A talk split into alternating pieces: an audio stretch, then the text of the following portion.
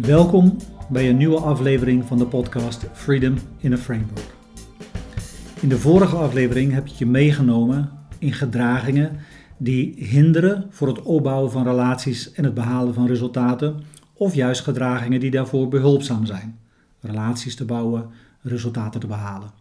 Ik heb daarbij ook aangegeven dat het om te voorkomen dat mensen zich in de hinderende gedragingen gaan begeven, dat het belangrijk is als leider om je echt te verdiepen in de weerstanden die plaatsvinden. De weerstanden die bij mensen naar boven komen. Vandaar ook dat, wat mij betreft, deze podcast gaat over de waarde van weerstand. Voor mijzelf, om weerstand echt beter te begrijpen, ben ik in de tijd, en nog steeds overigens, veel dieper de neurowetenschappen ingedoken. Ik ben gaan kijken hoe nou eigenlijk weerstand ontstaat. Want weerstand is in wezen niks meer dan een uiting van gedrag. Vorige keer gaf ik je die vier typen gedragingen aan: hè, maskeren, sociale sabotage, implosie, explosie, als vormen van weerstandsgedrag. Er zijn nog veel meer vormen, maar dit is een hele kenmerkende. Gedrag is niks meer dan het resultaat van spiersamentrekking. Mijn lichaam doet iets omdat er in mijn lichaam een weerstand is opgebouwd. Hoe ontstaat dat nou eigenlijk? Als je daar preciezer naar gaat kijken, dan is de interactie tussen twee mensen loopt altijd volgens een vast patroon. Dat kan een split second duren, kan heel snel gaan, maar het heeft altijd een vast patroon. Het betekent dat als de ene persoon aan het praten is, met andere woorden, spiersamentrekking laat zien, gedrag laat zien. Praten is een vorm van spiersamentrekking. Je vocal cords, je stembanden hebben geleerd dat in een bepaalde manier te doen, waardoor een sequentie van letters eruit komt die een ander mens herkent als woorden. Dus het is een vorm van gedrag. De persoon die dat ontvangt, ontvangt dat middels de zintuigen. Oren, ogen vooral. Het zijn de primaire zintuigen die wij mensen in discussies gebruiken.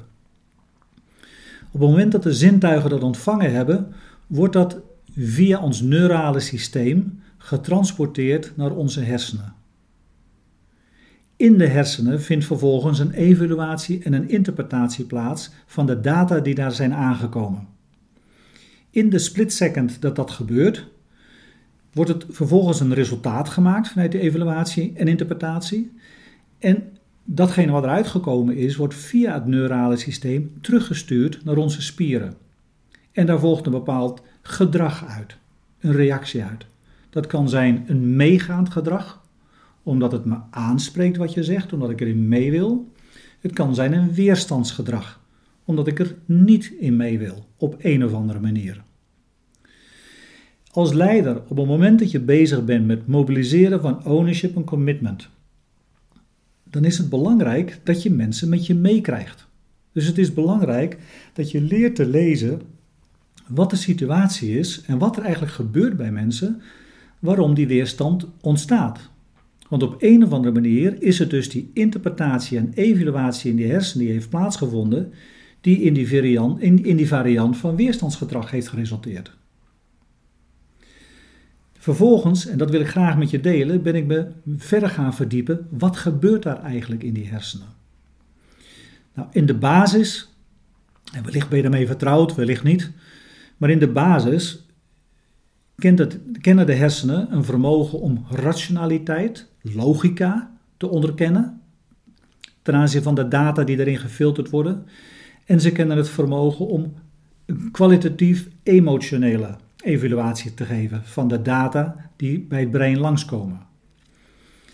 Het betekent bijvoorbeeld dat als iets tegen mij gezegd wordt en mijn rationaliteit, mijn logica zegt dat klopt, dan zeg ik oké, het is logisch voor me. Het is logisch voor me, daarom ga ik het doen. Op het moment dat mijn emotionaliteit of kwalitatieve evaluatie zegt nee, niet, dan zeg ik vaak het voelt niet goed. Of als het wel zo is, zeg ik hé, hey, dat voelt goed.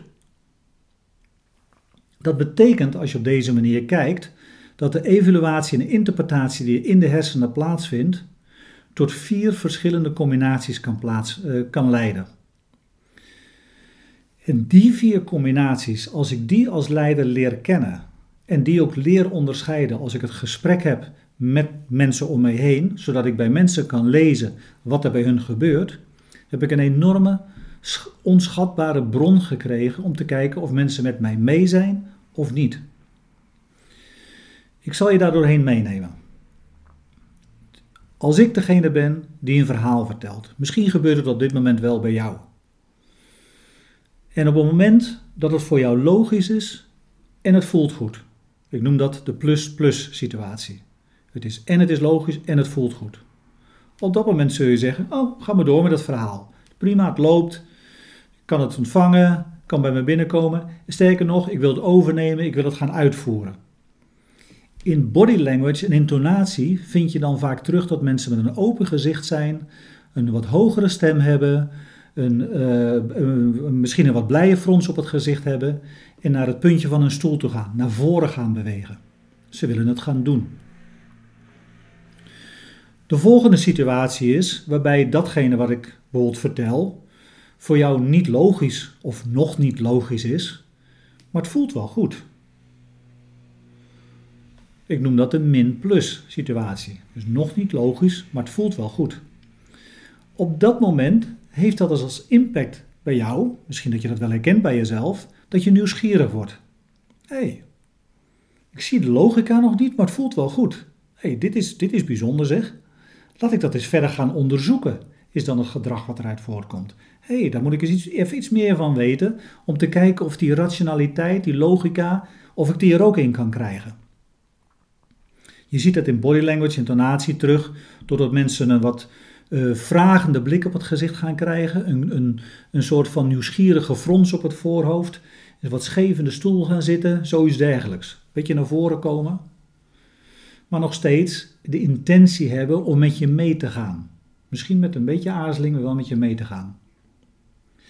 De derde situatie, als ik iets vertel, bijvoorbeeld nu aan jou, kan zijn dat je zegt: Ja, ik zie de logica wel, maar het voelt gewoon helemaal niet goed. Nou, je hoort eigenlijk aan mijn intonatie al waar je op dat moment zit. Ik zie de logica wel, maar het voelt niet goed. Wat er nu aan mij voorgesteld wordt. Op dat moment, het gedrag wat opgeroepen wordt, is een gedrag van nee, dat ga ik dus ook nog niet doen. Ik aarzel, uh, ik wil het uitstellen, ik wil het vermijden, ik blijf er buiten de buurt. En in body language en intonatie kun je dat aflezen doordat mensen naar achteren gaan leunen de neiging hebben om die implosie te vertonen in het moment. De neiging hebben om de armen over elkaar te doen en wat terug te gaan trekken. De neiging hebben om die computer in te duiken, zich af te sluiten. Kortom, zich wat terug te trekken. Omdat namelijk, en de reden waarom mensen dat doen, is omdat dan moeten ze zich in wezen uitspreken dat ze niet met je mee willen. Dat ze het niet willen doen. En dat vraagt moed om dat te doen. Maar op dat moment is dus die situatie zo dat ze niet met je mee willen gaan. De vierde situatie is de situatie waarbij als ik iets vertel, dat de andere het, en de andere hoort het en dat die andere het hoort als van ja, dit is niet logisch, ik zie geen logica wat je zegt, maar het voelt niet goed ook. Nou, ik kan je verzekeren, als dat gebeurt, is het gedrag wat eruit voortkomt, is blokkade. Ik wil het niet doen, ik wil het saboteren, ik wil het vermijden, ik wil het strikt vermijden, ik ga het niet doen, et cetera. En als ik het dan al doe, doe ik het omdat ik nou één keer mijn baan wil behouden, een, loyal, een loyale soldaat ben. Dus ik voer het wel uit voor deze keer, dat zij dan zo, maar oké, okay, et cetera. Je, je, hoort het al aan me.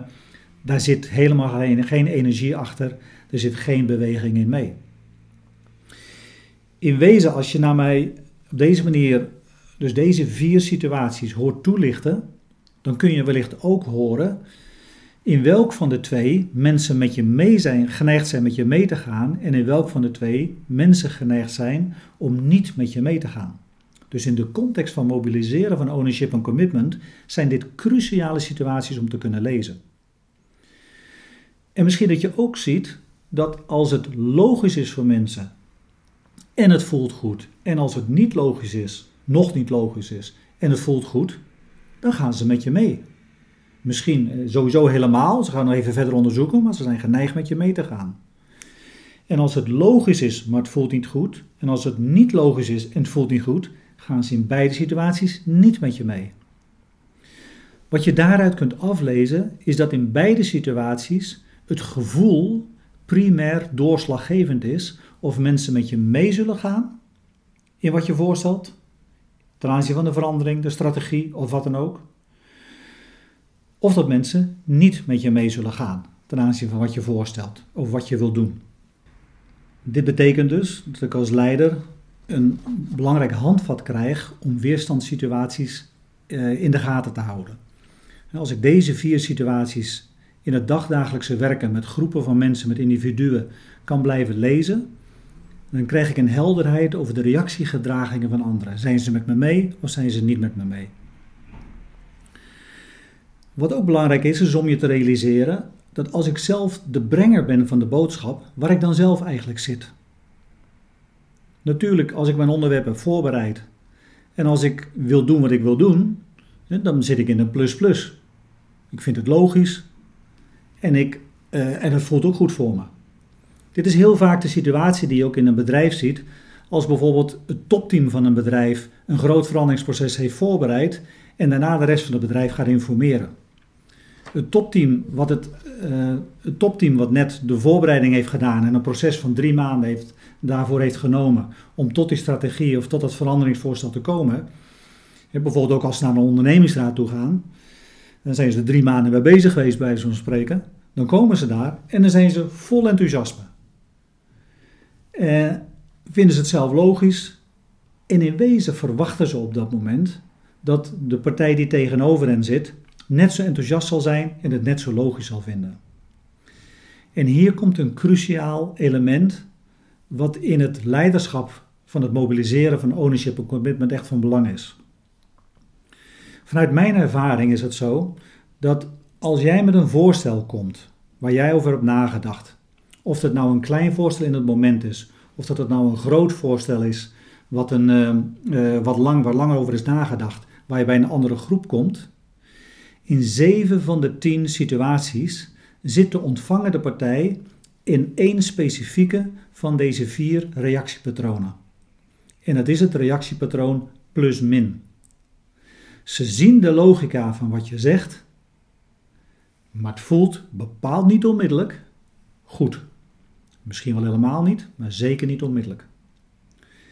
En ik gaf het je net al aan, je kunt je dat voorstellen als een directieteam een enorme voorbereiding heeft gedaan, drie maanden over heeft nagedacht, en dan komen ze bij een ondernemingsraad. En dan vinden ze het raar als de ondernemingsraad niet in één keer enthousiast is.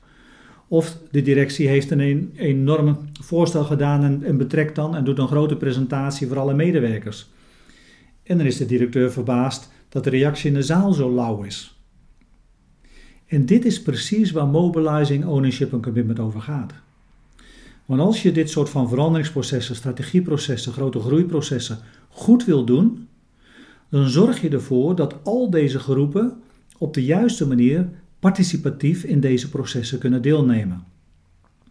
En dat betekent het ook dat, en dan ga ik terug naar het specifieke situatie van plus-min, dat als dit zich aandient, dat je daar ook daadwerkelijk oog voor hebt. Want laten we eens wat preciezer kijken, hoe zijn wij geneigd te reageren? Op het moment dat we iemand tegenkomen waarvan we sensen dat hij een aarzeling heeft. Bijvoorbeeld, marketing doet voorstel aan sales over een nieuw te introduceren uh, product tegen een, in een bepaalde prijscategorie, etc. etc. En wat treffen ze aan bij sales? Een, een onmiddellijke aarzeling. Op dat moment is de marketeer die daarvoor staat en die enthousiast is en de logica voor zijn voorstel ziet, wat is die geneigd te doen? Om nog eens even terug te komen de volgende keer en nog eens even 20 powerpoints extra mee te nemen. En nog eens even extra nadruk te leggen op waarom dit toch het beste voorstel is. Met alle marktdata en alle klantanalyse en alle financiële analyse. En dat het vooral moet gebeuren. Kortom, nog meer logica te geven.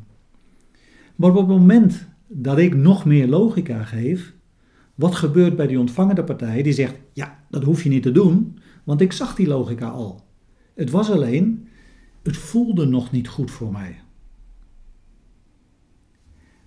Dat betekent dat als jij dus met, nu met nog meer logica komt, dat mijn gevoel van het voelt niet goed alleen maar groter wordt. En mijn neiging en mijn weerstand om er een onprettig gevoel over te hebben, wordt alleen maar groter. Het betekent ook op dat moment dat als ik daarmee doorga, ik in een vicieuze cirkel terechtkom. Een vicieuze cirkel van debat. Een vicieuze cirkel waarin ik het probeer aan hen op te leggen. Dus de enige manier waarop ik dit anders kan gaan doen, is door mij daadwerkelijk te verdiepen in wat maakt dat die ander aan de ene kant de logica ziet. Daar hoef ik niet te veel tijd aan te besteden. Maar vooral, wat is nou de aarzeling bij die ander waarom iets wat voor mij hartstikke goed voelt, voor die ander niet goed voelt? En dit is precies, dat betekent dat ik op dat moment de healthy friction met die persoon aan moet gaan. Dat betekent dat ik op dat moment de discussie in de vorm van de dialoog aan moet gaan. Dat betekent dus dat ik op dat moment vragen ga stellen. hey, vertel eens. Ik zie dat je aarzelt bij het doen van mijn voorstel. Ik ben daar zelf zo enthousiast over. Hoe kan het nou dat jij aarzelt? Vertel eens waarom jij aarzelt. Op het moment dat je je dan gaat verdiepen in waar die ander de aarzeling vandaan heeft, wat de weerstand is van die ander, dan neem je die ander dus weer met je mee in de dialoog en in de feedback. Je bent in wezen dan feedback aan het geven van wat je ziet dat er gebeurt, et cetera, et cetera. Je kunt dan zelfs naar de situatie toe gaan waarbij je de confrontatie met die persoon aangaat en zegt van hoe kan het dat jij niet met me mee bent? Hoe kan het dit dat jij dat zo anders ziet dan ik? Zodanig dat je het gaat oplossen. Als je er niks aan doet op dat moment, weet je één ding zeker: die ander zal in een van die vier hinderende gedragingen driften. En dat betekent dat hij misschien zal zeggen: Ja, ja, ja, ik ga het doen hoor. En vervolgens wordt jouw voorstel half, met halve energie op halve kracht geïmplementeerd en komt dus wezenlijk niet verder. Dit is de allerbelangrijkste reden waarom het echt nodig is om hier aandacht aan te geven. En het is dus ook vrij eenvoudig hoe je dat kunt doen. In wezen niks meer door het weer open te leggen en vragen te stellen. Het vraagt alleen van jou als leider om op dat moment daartoe bereid te zijn. Daar de tijd voor te willen nemen. Dat ook met grote groepen van mensen daartoe bereid te zijn en de tijd voor, voor te willen nemen. En het lijkt ogenschijnlijk in het begin veel tijd te kosten, maar in de kracht van implementatie later en in de snelheid van implementatie later ga je zonder meer veel tijd daarin winnen.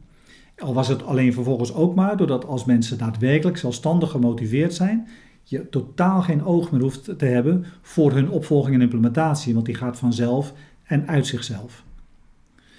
dan is er vervolgens nog een volgende dimensie, waarom het wel degelijk voor jou belangrijk is om die, dat min gevoel, dat aarzelende gevoel van mensen te onderzoeken. En waarom dat is, daarvoor neem ik je graag mee naar de volgende podcast.